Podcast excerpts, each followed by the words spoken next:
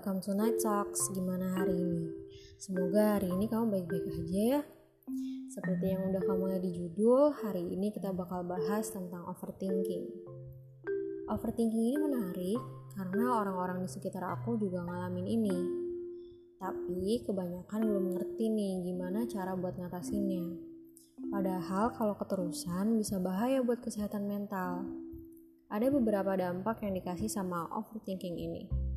Pertama bisa stres, kedua susah tidur, dan ketiga ada perubahan di nafsu makan. Perubahan di nafsu makan ini artinya bisa dua, bisa dia jadi suka banget makan, bisa jadi dia nggak suka banget sama makan.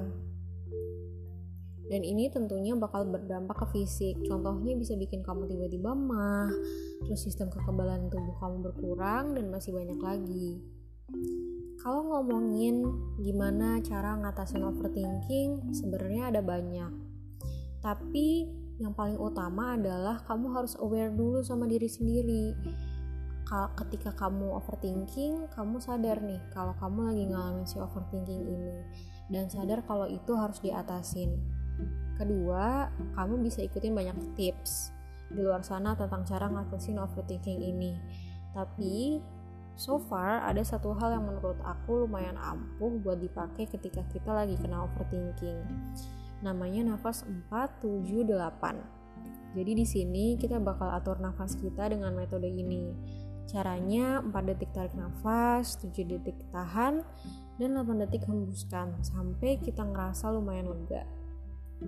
Kamu juga bisa ngelakuin ini sambil tutup mata. Semoga kamu berhasil ya. Ingat, sebenarnya kunci dari overthinking itu cuma satu. Belajar buat hidup di masa sekarang, bukan di masa depan atau masa lalu. Sekian Night Talks malam ini. Good night.